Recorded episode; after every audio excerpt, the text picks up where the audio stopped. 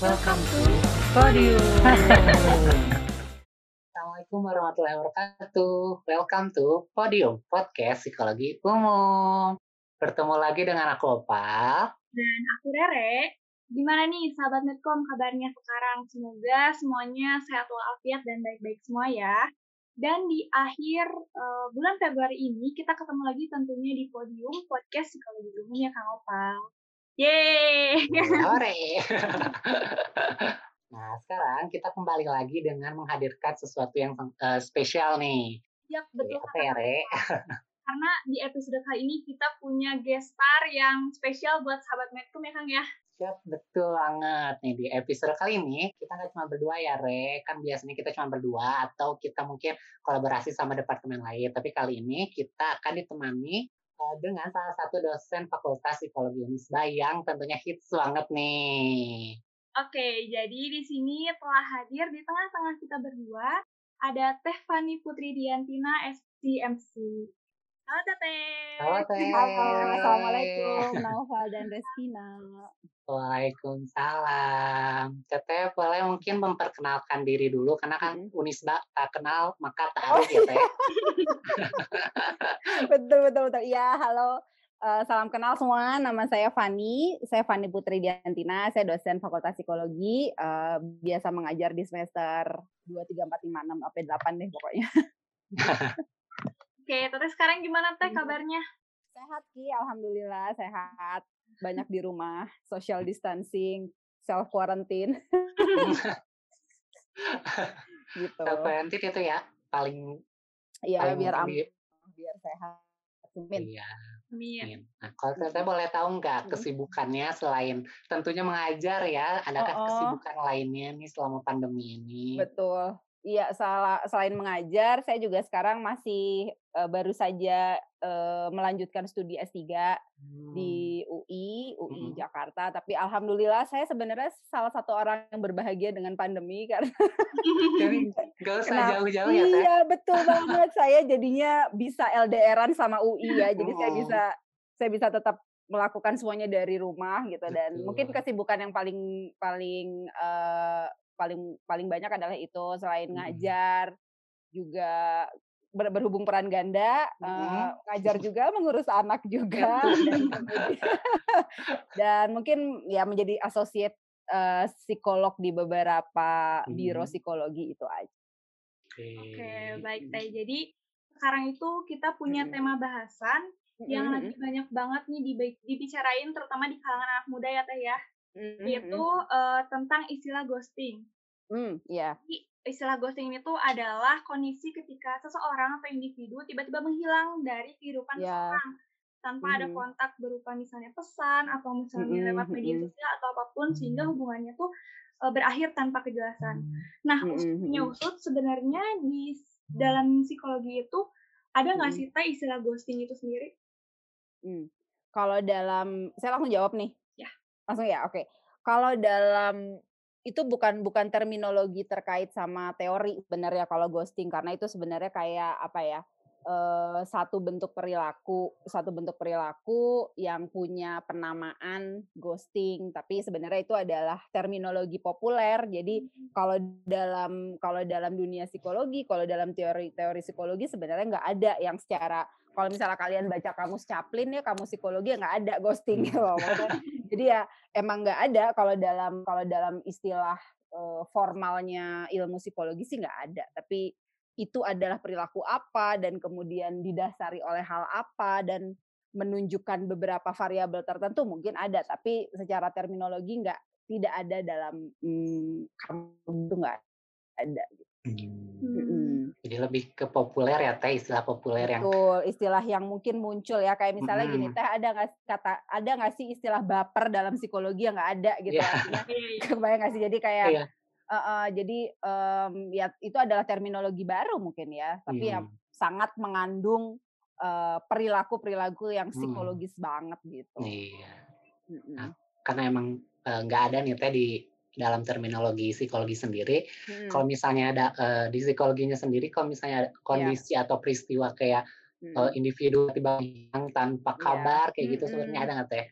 Yang mirip-mirip kalau di psikologinya? Hmm, ada ada sih, tapi mungkin kalau kita biasa bisa biasa menyebutnya adalah avoidance, Hmm. avoiding something gitu ya, avoiding. Jadi uh, me- meng- menghindari menghindari sesuatu gitu. Jadi mungkin uh, yang paling relate adalah dengan terminologi itu avoiding gitu. Jadi uh, meskipun kalau dalam konteks yang sekarang banyak terjadi di teman-teman uh, milenial saat ini kan dalam romance relationship Iya. ya Iya. gitu. Jadi yang tiba-tiba lu PDKT terus ah hilang gitu kan. Jadi itu kan sebel banget eh saya subjektif nggak ya kalau bilang sebel tapi ya maksudnya hal itu kan.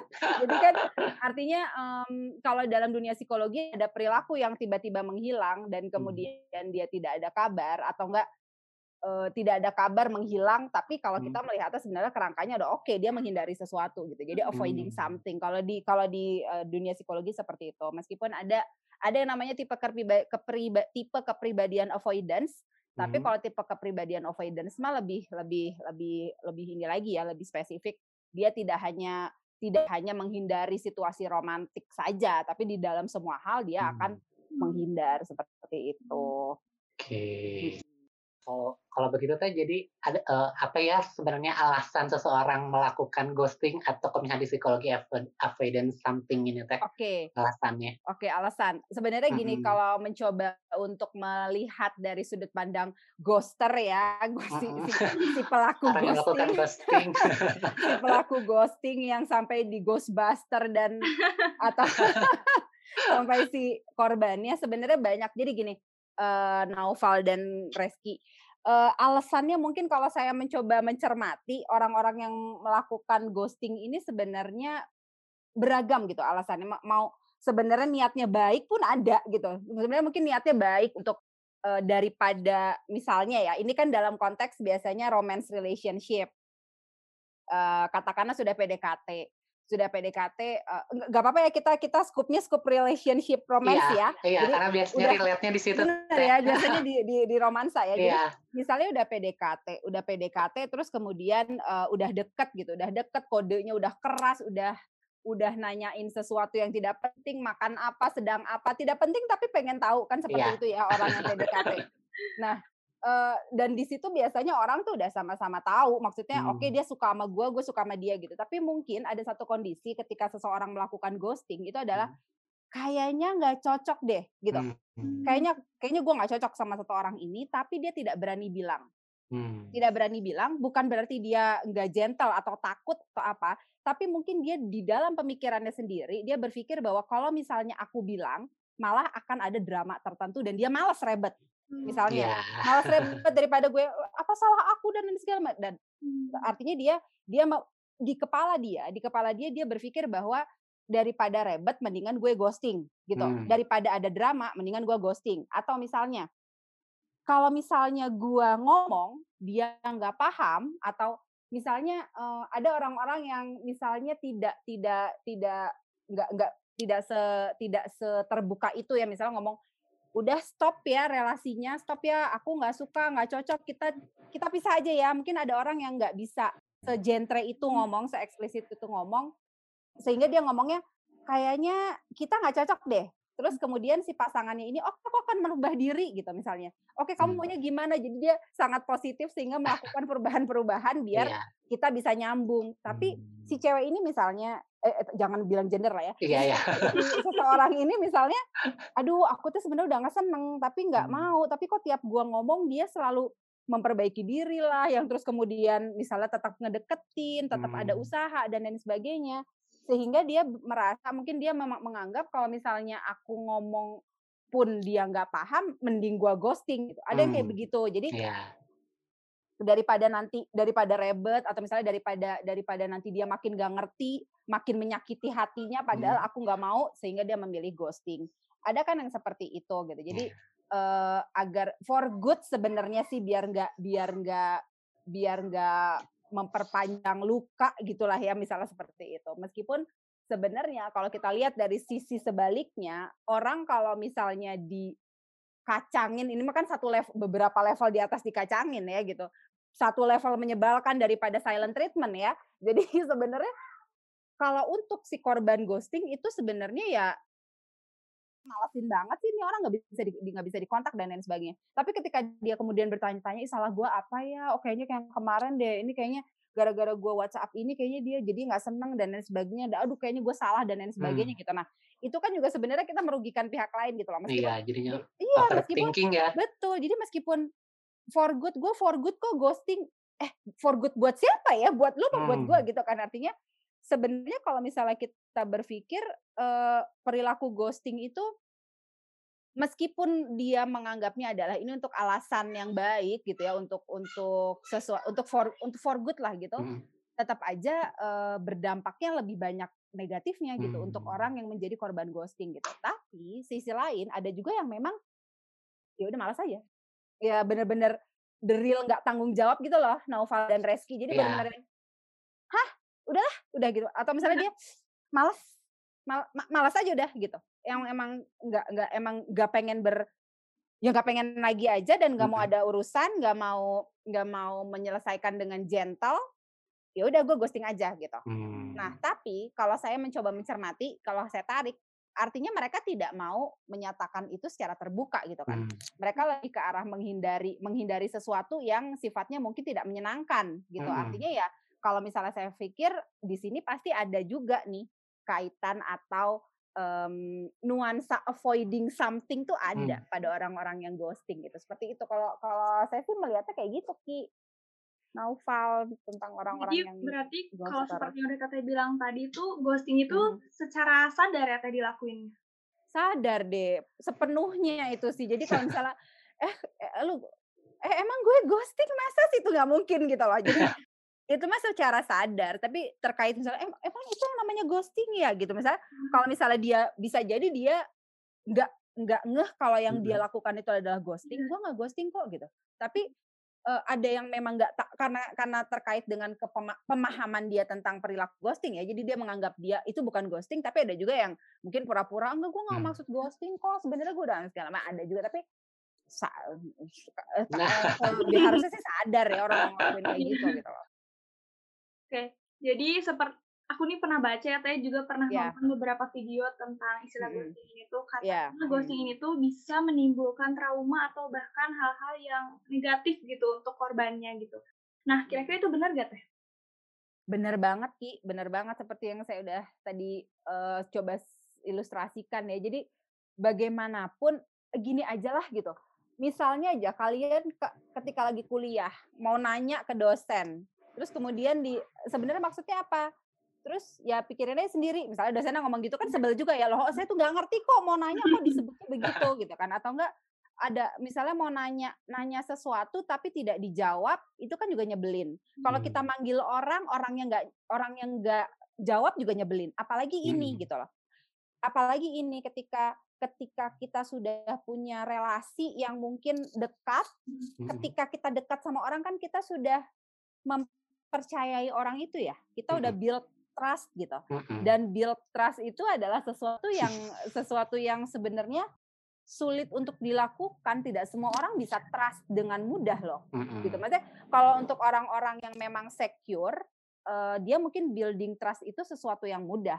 Kenal sama orang oke okay, gue percaya bisa deket dan sebagainya. Dan kalau misalnya nggak deket lagi aku dengan mudah akan bisa um, menjalin relasi dengan yang lain, menjalin kepercayaan dengan yang lain. Tapi kalau hmm. untuk orang-orang yang misalnya uh, building trust itu sesuatu isu, ketika dia sudah mencoba deket sama orang, dia udah percaya sama seseorang, dia udah udah gitu udah pakai hati lah, udah percaya segala macam, teng pergi ya gimana lah itu tidak melukai perasaan orang ini gitu loh. Jadi yeah. kalau misalnya sampai dibilang trauma, mungkin saja deh, mungkin saja, mungkin banget gitu. Dan yang pasti pasti lebih banyak nggak enaknya, karena menurut saya nggak banyak orang yang bisa legowo gitu ya punya hati seluas samudra ketika di ghosting terus dia ayo ah, ya udahlah kita kita hmm. kita lihat aja silver liningnya kita hmm. kita coba ambil lesson learnnya nggak semua kayak gitu gitu loh hmm. dan percayalah orang-orang yang di ghostingin itu sakit gitu loh hmm. karena mungkin mau coba cerita juga beberapa teman yang mungkin sharing atau ada klien juga yang yang yang konsul ketika di ketika mungkin teman ya teman yang teman yang sharing ketika ketika dia bilang eh akhirnya dia cabut dong dia ghosting gitu. Terus ketika kita mencoba untuk ya udah kayaknya emang itu udah yang terbaik lu nggak jadi sama dia Hmm. gitu. Ya lu bisa ngomong kayak gitu tapi gue sakit loh di sini karena gue udah karena gue udah udah pakai hati dan lain sebagainya. Jadi ya saya percaya bahwa nggak semudah itu juga gitu. Orang yang di ghostingin terus kemudian bisa bisa oh baiklah gitu. Nggak semudah itu juga. Dan itulah Hmm. yang membuat mungkin banyak lebih banyak dampak negatif dan mungkin bisa sampai menimbulkan trauma pada diri seseorang Hmm. gitu Ki. Hmm, karena juga kan eh, kita maksudnya udah menaruh kepercayaan ke orang lain, terus juga udah Hmm. kasarnya kan kalau misalnya romance relationship itu udah naruh hati gitu ya teh ya. betul Tiba-tiba udah pakai hati gitu kayak aduh gimana nih nggak tanggung jawab banget.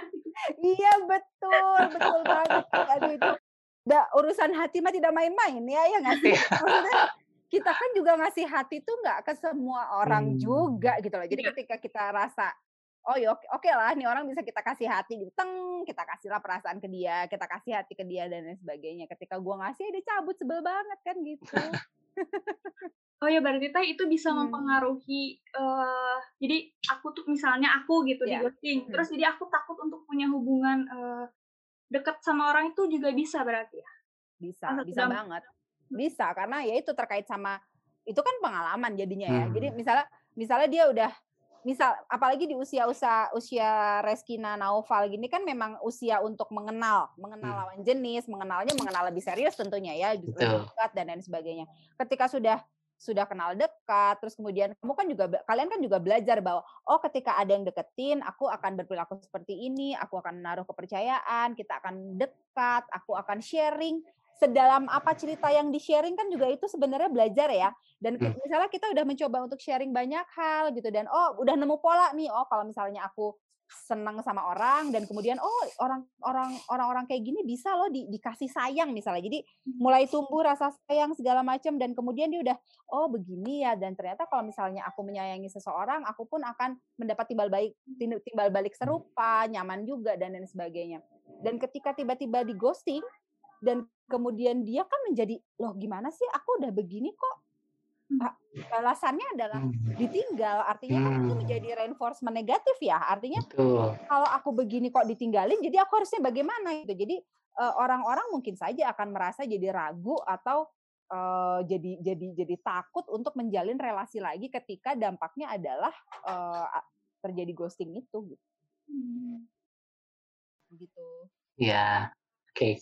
Mungkin teh karena tadi eh, mungkin salah satunya adalah kita mengalami trauma ya teh. Dan kalau Ya. misalnya Hmm. kita yang menjadi eh, istilahnya korban dari orang yang melakukan ghosting ini, apa yang harus kita lakukan ya teh? Karena biasanya ini umum terjadi oleh siapa pun, kan bisa si- Iya, siapa pun. iya, iya, iya. Jadi memang sebetulnya eh, saya memang sangat berempati pada orang-orang yang dighostingin itu ya. Jadi maksudnya ya si korban ghoster ini em, satu hal sih kalau menurut saya gini. eh, meskipun ya, meskipun ini berat untuk orang yang mengalami gitu, Mm-mm. tapi eh, at least kalau kalau kita mencoba eh, menyampaikan pesan ini kepada orang yang menjadi korban ghosting, artinya adalah ini adalah sampel perilaku gitu loh. Jadi Hmm. orang yang melakukan ghosting itu adalah sampel kepribadian dia. Ini adalah sampel dari bentuk perilaku dia secara umum. Artinya bisa saja terjadi di kemudian hari ketika dia menghadapi masalah, dia pergi gitu loh. Jadi Hmm. bukan hanya dalam konteks romance relationship ya. Siapa Mm-mm. tahu memang kalau misalnya dia di kemudian hari dia mengalami situasi yang tidak menyenangkan, dia memilih pergi tanpa memberi kabar. Itu kan bentuk immature kalau menurut saya sih bentuk dari satu ketidakdewasaan seseorang ketika menghadapi kehidupan. Karena gini, eh, nanti ketika Anda eh, ketika teman-teman di sini semua sudah selesai kuliah, sudah masuk ke dunia yang sebenarnya ya, kalau menurut saya itu dunia sebelumnya kan dunia, dunia dewasa sebenarnya adalah ketika kalian sudah selesai kuliah kalau menurut saya. Betul. Di situ muncul orang-orang dengan dengan dengan kepribadian yang kalian tidak akan pernah temui sebelumnya, akan muncul masalah-masalah atau fenomena-fenomena yang tidak pernah terbayangkan sebelumnya. Ya bayangin aja gitu kalau orang punya contoh perilaku menghadapi satu permasalahan dia pergi gimana Hmm. dia mau menghadapi permasalahan lain gitu loh Jadi, Hmm. kayaknya tuh kita bisa bisa memberikan saran atau me- ngajak ngobrol sama orang korban ghosting itu adalah lihat silver liningnya lihat lesson learn-nya apa ya yang bisa yang bisa kita pelajari dari peristiwa ini gitu loh kita Mhm. coba untuk untuk mencari positive side jadi artinya oh iya benar kalau kalau misalnya dia sudah punya contoh perilaku semacam ini di kemudian hari bukan tidak mungkin dia mengulang untuk dis- untuk menghadapi situasi yang lebih besar gitu loh Hmm. let's say gini untung kagak jadi gimana kalau misalnya udah niat mau Udah nikah serius. Ya, bener. terus udah udah merencanakan segala macam terus H-7 dia ghosting ya tidak jadi itu akan mengerikan gitu dibanding Hmm. dibanding eh, sekarang ketika kita memang belum belum jadian terus dia cabut at least kita tahu oke orangnya seperti ini gitu loh kalaupun misalnya dia nanti dat tapi jarang sih ya ghosting biasanya kan hilang pleng gitu ya tapi Hmm. misalnya someday kita tahu dia eh gila dia pacaran sama yang lain gitu misalnya Hmm. terus kemudian dia datang untuk eh gue mau menerang gue mau jelasin sesuatu dong misalnya itu udah kalau menurut saya sih udah tetap aja itu tuh eh, itu adalah satu satu satu gambaran perilaku dan kita bisa Hmm. bilang ke ya udah untung lu kagak jadi sama dia gitu untung ya udah untung eh, silver liningnya adalah hasil hal positifnya adalah kita di kita dikasih tahu dulu gitu loh kita Hmm. diingetin gitu loh dengan dengan cara seperti ini dengan cara dia pergi artinya ya berarti Hmm. emang dia nggak baik gitu loh karena Hmm. meskipun ya Reskina dan Naufal kebayang lah orang udah pakai perasaan Hmm. Orang udah pakai hati itu biasanya logika kalah semuanya Iya. udah deh Ya benar. Iya nggak sih? Aduh, itu emang, tapi emang bener loh, Dek. Jadi emang ngomongin orang yang lagi jatuh cinta itu susah banget diajak ke logika gitu. Artinya mungkin saja mereka akan, tapi kan gue gini, tapi gini, tapi gini. Gak apa-apa sih, maksudnya tetap aja kita misalnya sebagai teman atau misalnya ada teman yang mengalami itu ya kita nggak apa-apa kita ngomong aja maksudnya ya udah udah udah udah bener kok kayak gini dan lain sebagainya hibur lah dan pokoknya berpikiran positif aja jadi jangan sampai membalas dengan Hmm. perilaku ghosting juga karena ya sama aja dong Hmm. sama Iya. ghosting yang lain gitu. Jadi mungkin respon yang bisa kita kasih kalau temen curhat tuh kayak ngasih positif side sih gitu ya. Teh hikmahnya nih untung aja Betul. tinggalinnya sekarang gitu ya. Iya bener. Untung untung ketahuannya sekarang gitu loh sebelum sebelum misalnya tambah tambah bogoh gitu ya misalnya atau keburu ya itu keburu keburu niat niat apa terus kemudian ya keburu punya niatan serius segala macam ah mendingan sekarang kayak gitu. Hmm. Cuman kan teh suka Hmm. ada orang yang udah Hmm. digostingin terus misalnya orangnya datang lagi terus mau Iya. lagi digostingin terus aja ngeluh. Kita responnya gimana tuh kalau sama orang yang kayak gitu? kalau kata saya ya kalau udah sekali ghosting jangan ditanggepin lagi karena itu karena karena kalau saya nggak tahu ya kalau saya tuh percaya loh saya tuh percaya perilaku itu eh, akan berulang gitu Hmm. jadi satu ke, apa pun yang kita lakukan itu adalah sampel kepribadian jadi Hmm. kalaupun tidak dilakukan sekarang tapi next time nggak tahu kapan bisa kapan itu akan muncul Hmm. gitu loh jadi kalau misalnya dia eh, dia ghosting terus kemudian datang minta maaf menjalin relasi lagi ghosting lagi ghosting laginya tuh menurut saya mungkin tidak sekarang tapi nanti gitu loh Hmm. karena kalau kecuali mi- misalnya ya Ki misalnya ketika dia ketika dia datang lagi dengan eh, kamu bisa bisa bisa bisa menjamin bahwa emang dia mau melakukan satu perubahan gitu ya ya Iya. itu sih bisa sih tapi kan kalau Hmm. misalnya kita mau bilang bahwa orang ini mungkin bisa berubah kok kita butuh keyakinan dalam waktu lama terus kemudian emang Hmm. bener banyak banget checklist yang harus kita checklist yang harus kita pastikan bahwa dia memang benar-benar mau berubah misalnya kayak gitu tapi kalau Hmm. kalau saya pribadi sih ini ya kalau orang udah sekali ghosting itu peluang terjadi laginya tuh Besar. banyak Heeh, jadi mendingan kalau misalnya udah kayak gitu udahlah mending kamu cari yang lain aja karena eh, pasangan kita itu masih mungkin saja dapatnya nanti atau kita ketemu banyak orang untuk ketemu orang yang terbaik gitu. Hmm. Oke. Oke. Nah, Iya, sok Ya. banget. Jadi kalau misalkan berarti kita harus belajar dari pengalaman ya Teh maksudnya eh, kita bisa aja percaya dia mungkin berubah tapi kita juga harus percaya kalau misalnya dia juga nggak bisa berubah ya Teh berarti. Ya mungkin bukan eh, iya sih tapi kayaknya kalau misalnya ada satu kalau misalnya ada satu kondisi yang eh, apa ya jadi eh, sampel perilaku itu orang tuh bukan nggak mungkin berubah juga sih Naufal Mm-mm. bisa sih bisa, Bisa. berubah tapi ketika dia sudah melakukan sesuatu hal yang mm, kita bisa bilang kan ghosting tuh nggak baik ya Iya. maksudnya kalau ketika itu hati-hati aja gitu Hmm. loh maksudnya kalau misalnya kita berpikir bisa jadi nggak sih berubah bisa sih kan Hmm. orang orang yang punya kebiasaan buruk terus kemudian bisa berubah bisa tapi kayaknya ada bibit gitu loh, ada bibit Hmm. tertentu yang nanti bisa jadi kemudian hari itu akan terjadi. Jadi Oke. mungkin kalau misalnya ada teman yang curhat kayak aku diginiin terus ya terima aja gitu ya konsekuensinya orang kamu udah lebih dari satu gitu ya gitu. Gitu ya bener, bener Ki, gini Ki. Tapi bukan kita mau nyukurin orang ya gitu. Kita Iya. bukan mau nyukurin orang, tapi gini, sebenarnya konsekuensi gitu loh. Ketika kita Hmm. jadi orang dewasa kan sebenarnya sudah paham apa konsekuensi gitu kan. Hmm. Ketika kamu sudah pernah tahu orang ini ngeghosting, tahu dong konsekuensinya itu ya dia next time akan ghosting gitu loh. Hmm. ketika kamu sudah tahu konsekuensinya itu dan kamu memilih untuk nggak apa-apa lah dah aku mau mau berusaha merubah dia dan aku mah cinta dan lain sebagainya. Nah itu sih oh ya udah terserah. Tapi Iya. aku karena gini loh dek sebagai teman yang baik ngasih tahu tapi bukan memaksa. Ketika kita menjadi teman yang baik kita ngasih tahu tapi keputusan ada di teman kita. Gitu. Jadi kalau keputusan ada di mereka kita tidak berhak untuk mengintervensi keputusan gitu kita tapi kan kita kan kalau dalam dunia psikologi ya teman-teman eh, pendengar podcast jadi dalam dunia psikologi itu kita tidak memberikan tidak memberikan keputusan kan tapi memberikan Mm. saran gitu loh jadi ya sebagai teman yang baik kita memberikan saran pandangan yang baik pokoknya semuanya demi kebaikan teman-teman tapi keputusannya apa kembali kepada teman-teman anda yang lain gitu Karena tadi udah membahas banyak banget ya Teh, Mm-mm, karena mm-mm.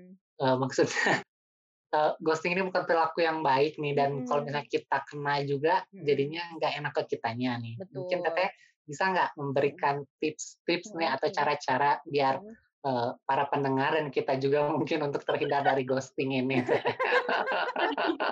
Oke, terhindar dari ghosting. Wah, ini agak sulit juga nih. Bukan sulit sih, maksudnya gini.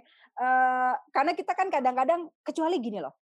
Kecuali tapi gini sih, karena perilaku ghosting ini menurut saya benar-benar bisa terjadi pada siapa pun dan kapan pun dan pada orang yang teh harusnya oh, aku kayak aku nggak nyangka deh dia begitu gitu kan. Bisa jadi begitu kan Iya. gitu. Tapi yang pasti gini sih, artinya eh, mungkin ini adalah saran-saran yang bisa dilakukan, yang mungkin bisa dilakukan gitu untuk oleh teman-teman eh, agar terhindar dari para ghoster ini adalah artinya eh, jadi gini, apalagi tapi ini di luar online dating ya, Dek. Iya. Kalau Iya. online dating mah itu bener-bener Susah. ya karena gini, kita menyat bahwa orang online dating kan orangnya kayak gimana aja kita belum tentu tahu dia bener dia gitu kan. Jadi Hmm. itu benar-benar itu benar-benar konsekuensi konsekuensi orang yang melakukan online dating adalah dia tahu bahwa dia akan di ghosting. Itu Hmm. mah itu mah untuk online dating ya. Tapi kalau misalnya kita kita kita eh, dalam dalam situasi eh, menjalin relasi yang offline lah gitu. Mm-mm. Berarti yang harus kita perhatikan adalah benar-benar maka konsep ta'aruf tuh benar berarti loh. Jadi Unis tuh benar berarti ya Teh. benar-benar itu ta'aruf. Dalam artian gini sih, sebenarnya ta'aruf dalam artian kita kenal. Kenal tuh artinya eh, kita jangan keburu. Jadi gini, kalau saya sih percaya bahwa kita kenal seseorang itu perlu proses gitu. Kita perlu proses artinya eh, mungkin tidak tidak dalam waktu yang singkat juga. Jadi mengenal seseorang tuh belum tentu pacaran ya. Artinya kita mengenal pribadi kan. Artinya eh, kita mengenal seseorang dan kalau misalnya ada yang PDKT, misalnya dalam konteks me- oh tahu nih ini lagi mau PDKT nih orang. Artinya kita benar-benar memang harus eh, harus cermati gitu loh. Artinya apakah perilaku ini misalnya gitu. Eh apa sih namanya? eh, konsistensi misalnya Hmm. Konsistensi dia melakukan ini seperti apa ya gitu. Kalau misalnya aku sedih, misalnya nih aku sekarang lagi senang dia baik, tapi ketika aku sedih dia baik juga nggak ya? Ketika Hmm. situasi ini dia baik juga nggak ya? Maksudnya konsistensi dia melakukan suatu kebaikan itu muncul di semua di semua peristiwa nggak sih misalnya gitu. Karena kadang-kadang si para ghoster ini kan dia me, me- apa ya menebar umpan ya, artinya eh, dia me- me- mencoba untuk me- membuat kesan baik, tapi eh, ternyata tidak semanis itu juga. Artinya kita perlu perlu perlu melakukan mungkin bahasa anak sekarang memvalidasi itu ya, memvalidasi hmm. apakah si kebaikan ini dat, uh, muncul di semua muncul di semua peristiwa gitu.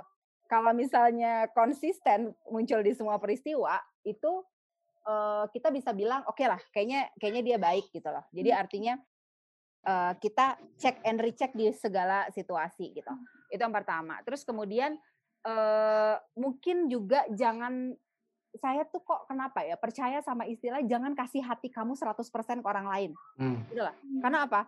Kita butuh space untuk sakit hati, kebayang gak sih? Yeah. Jadi yeah. gitu loh. Jadi artinya gini, mungkin ini yang namanya mungkin konsepnya abstrak ya, tapi kayak hmm. kalau misalnya bukan artinya jadi aku nggak boleh dong teh sayang sama orang boleh tapi nggak sepenuh jiwa gitu loh kebayang nggak jadi uh, artinya oke okay, perhatian levelnya adalah di perhatian levelnya juga di membalas kebaikannya levelnya adalah di juga memberikan um, memberikan respon positif juga. Tapi nggak kebayang sih? Jadi yang jangan terlalu wuhu! bisa gitu tuh jangan juga gitu loh. Karena kita belum tahu belum tahu sampai sejauh apa dia akan uh, memperlakukan kita. Tapi teman-teman kalau yang adik-adik uh, kalau misalnya yang saya perhatikan tapi nggak tahu ya karena ini banyak juga terjadi pada kadang-kadang itu pada orang yang baru kenal. Hmm. Maksudnya kalau misalnya kan ada tuh misalnya atau kalau teman SMP kok, tapi waktu SMP nggak kenal banget gitu. Hmm. Itu tiba-tiba bisa uh, karena kita tidak sebenarnya tidak tahu juga kepribadiannya seperti apa, uh, dia ghosting. Uh, jadi peluangnya itu akan terjadi pada orang-orang yang kita sebenarnya masih nggak terlalu kenal banget gitu loh. Kecuali kalau yang misalnya emang udah kenal dari dulu, sering berinteraksi, uh, itu jarang sih melakukan ghosting. Jadi artinya memang uh, kuncinya adalah kita kita benar-benar uh, check and recheck karakternya seperti apa itu dari lamanya berkomunikasi, frekuensi komunikasi, durasi berkomunikasi, serta ngecek apakah si perilaku-perilaku dia yang baik, yang manis, ini konsisten dilakukan di banyak hal gitu. Jadi ya kalau mungkin untuk teman-teman psikologi ada baiknya juga berrole playing. Gitu. Jadi artinya ya maksudnya kita coba kita coba lakukan satu situasi, masih gini, misalnya kita lagi melakukan satu apa ya, lagi berinteraksi dan lain sebagainya, coba dilihat gitu, hmm. dilihat reaksinya gimana sih misalnya. Terus kemudian bagaimana uh, reaksi dia terhadap situasi ini, reaksi dia terhadap situasi apa, terus kemudian uh, mencoba melibatkan dia dalam pembicaraan-pembicaraan yang lebih serius segala macam gitu dan kita lihat aja di situ dia masih konsisten masih konsisten perhatian nggak, konsisten baik nggak, misalnya seperti itu. Itu sih kalau menurut saya. Jadi berhati-hati, berhati-hati dan uh, cerdas, be hmm. smart gitu. Jadi kalau misalnya, jadi jangan terlalu jangan terlalu uh, maksudnya gini kita juga oh ini kenapa ya ini apa ya maksudnya coba lebih banyak dipikirkan um, dan jangan terlalu baper gitu karena kan kita tahu ya kalau misalnya kalau misalnya lagi baper itu ketika emosi mendominasi fungsi kognisi itu terganggu.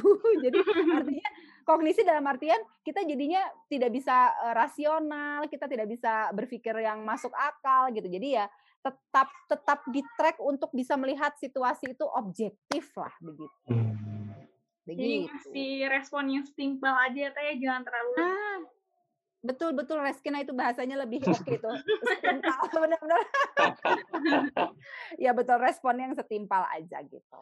Oke jadi gimana sahabat netcom didengerin ya uh, apa aja yang udah tadi disampaikan sama Stefani yang udah kita obrolin tadi karena kan pasti bermanfaat banget nih terutama untuk para korban ghosters gitu ya Oke, okay, jadi untuk penutup mungkin uh, ada saran dari Teteh bagaimana cara kita sebagai mahasiswa psikologi ini khususnya atau mungkin secara luas menghadapi fenomena ini karena kan Teh kalau misalnya kita menghadapi suatu fenomena yang lagi hits banget tuh juga juga kayak eh kayaknya aku di ghosting deh, eh kayaknya aku jadi ke bawah-bawah yang padahal enggak gitu. Itu gimana cara menghadapi? Oke. Okay.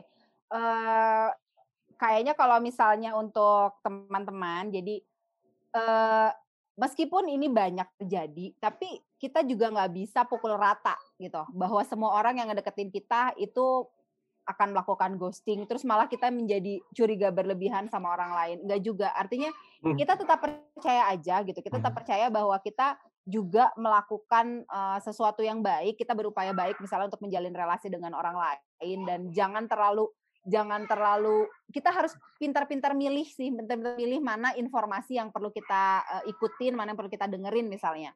Kalau misalnya memang ternyata uh, pasangan kita tidak menunjukkan perilaku ghosting, jangan diada-adain, artinya jangan dicocokologi juga gitu ya. Jadi kalau misalnya mereka sudah baik-baik aja ya udah percayalah dengan itu gitu. Ketika rasa percaya sudah terbentuk kan sebetulnya itu menjadi modal untuk kita percaya di kemudian hari gitu. Dan kemudian um, kalau yang sudah menjadi korban ghosting juga jangan putus asa karena bukan cuman dia lah gitu loh. Bukan cuman dia. Kadang kita suka ngerasa ketika kita lagi di situasi di PDKT ini sama orang, kita tuh suka ngerasa bahwa he is the best, she is the best hmm. gitu ya. Padahal mungkin di luar sana masih banyak yang sebetulnya yang terbaik buat kalian semua gitu. Jadi ya uh, di usia sekarang ini memang lagi usia assessment, usia uh, usia meng, ya mengusi, usia untuk mengakses orang lain, yeah. usia untuk mencoba me, um, memilih, hmm. memilih uh, menseleksi artinya memang mungkin banyak pertimbangan-pertimbangan hmm. tertentu, tapi bukan berarti kita menjadi menutup diri untuk hmm. tidak misalnya ber, mengenal orang karena banyak banyak uh, kondisi atau fenomena ghosting ini gitu. Jadi ya pokoknya tetap positif sih, tetap tetap berpikir positif dan tetap mau berupaya untuk misalnya pun terjadi kita melihat uh, silver line dan kemudian lihat lesson learn-nya apa. Oke. Okay. Oke, baik. Itu ya tadi sahabat Medcom kita udah berbincang-bincang dengan Tevani berkaitan dengan ghosting ini sendiri. Hmm. Uh, aku mau coba mau uh, ini ya sedikit menyimpulkan aja nih apa yang kita dapat dari pembahasan kita bersama dengan Tevani ini. Jadi uh, istilah ghosting ini uh, sebenarnya kok di psikologi sendiri nggak ada ya, cuman uh, lebih ke terminologi populer yang baru-baru muncul sekarang karena uh, suatu perilaku seseorang kayak gitu ya. Tapi kalau misalnya di psikologi sendiri ada istilah yang mendekatinya mungkin yang mirip adalah avoidance something, jadi uh, menghindari sesuatu kayak gitu. Nah, untuk orang yang ghosting ini atau seorang ghoster ini sendiri melakukannya ada beberapa alasan nih. Salah satunya adalah dia ingin berniatnya baik karena kayak misalnya mengakhiri tapi takutnya ada uh, yang tersakiti gitu ya. lebih tersakiti jadi uh, lebih baik ghosting gitu. Padahal sebenarnya uh, buat siapa sih sebenarnya baik itu buat si ghosternya atau korban dari ghostingnya itu sendiri. Nah, menghindari sesuatu ya Pak ya. Iya betul. Nah untuk dampaknya sendiri bisa jadi korbannya mengalami trauma dalam menjalin hubungan kembali bisa aja seperti itu ya.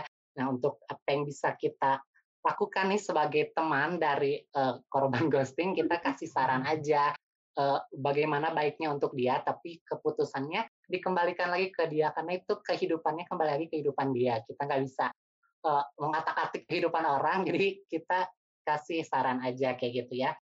Nah untuk tips and uh, tipsnya ini uh, kita cermati dulu uh, perilakunya uh, seseorang yang mendekati kita atau kita mendekati seseorang kayak gitu.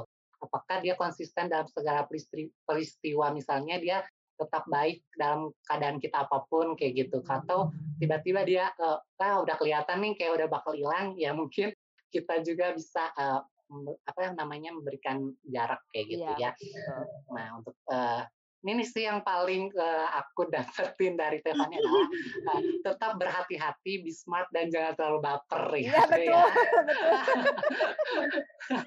Itu dia. Dan mungkin ada tambahan dari aku sedikit tambahan uh, mungkin kata Tiffany juga respon yang bisa kita kasih ke teman-teman kita sebagai korban ghosting itu mungkin kita ngas ngasih tahu positif side-nya. Jadi hmm. uh, hikmahnya lah gitu kita ngasih tahu hikmahnya terus juga kita uh, apa ngasih support tentunya terus juga uh, apa ngasih dukungan juga tentunya. Jadi kalau ada teman kalian yang lagi galau gara-gara kena ghosting jangan dihindari karena mereka juga butuh pendengar butuh saran dan dukungan dari kalian tentunya. Gitu ya sobat Medcom. Iya. oke. Okay.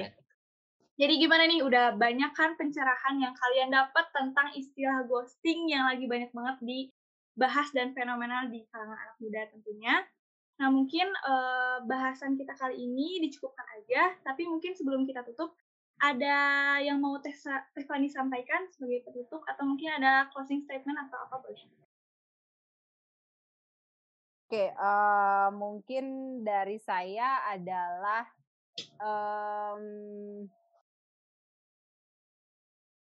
tetap um, apa pun peristiwa yang terjadi, yang penting adalah melihat silver lining dan lesson learn dari apa yang terjadi. Itu sih kalau menurut saya.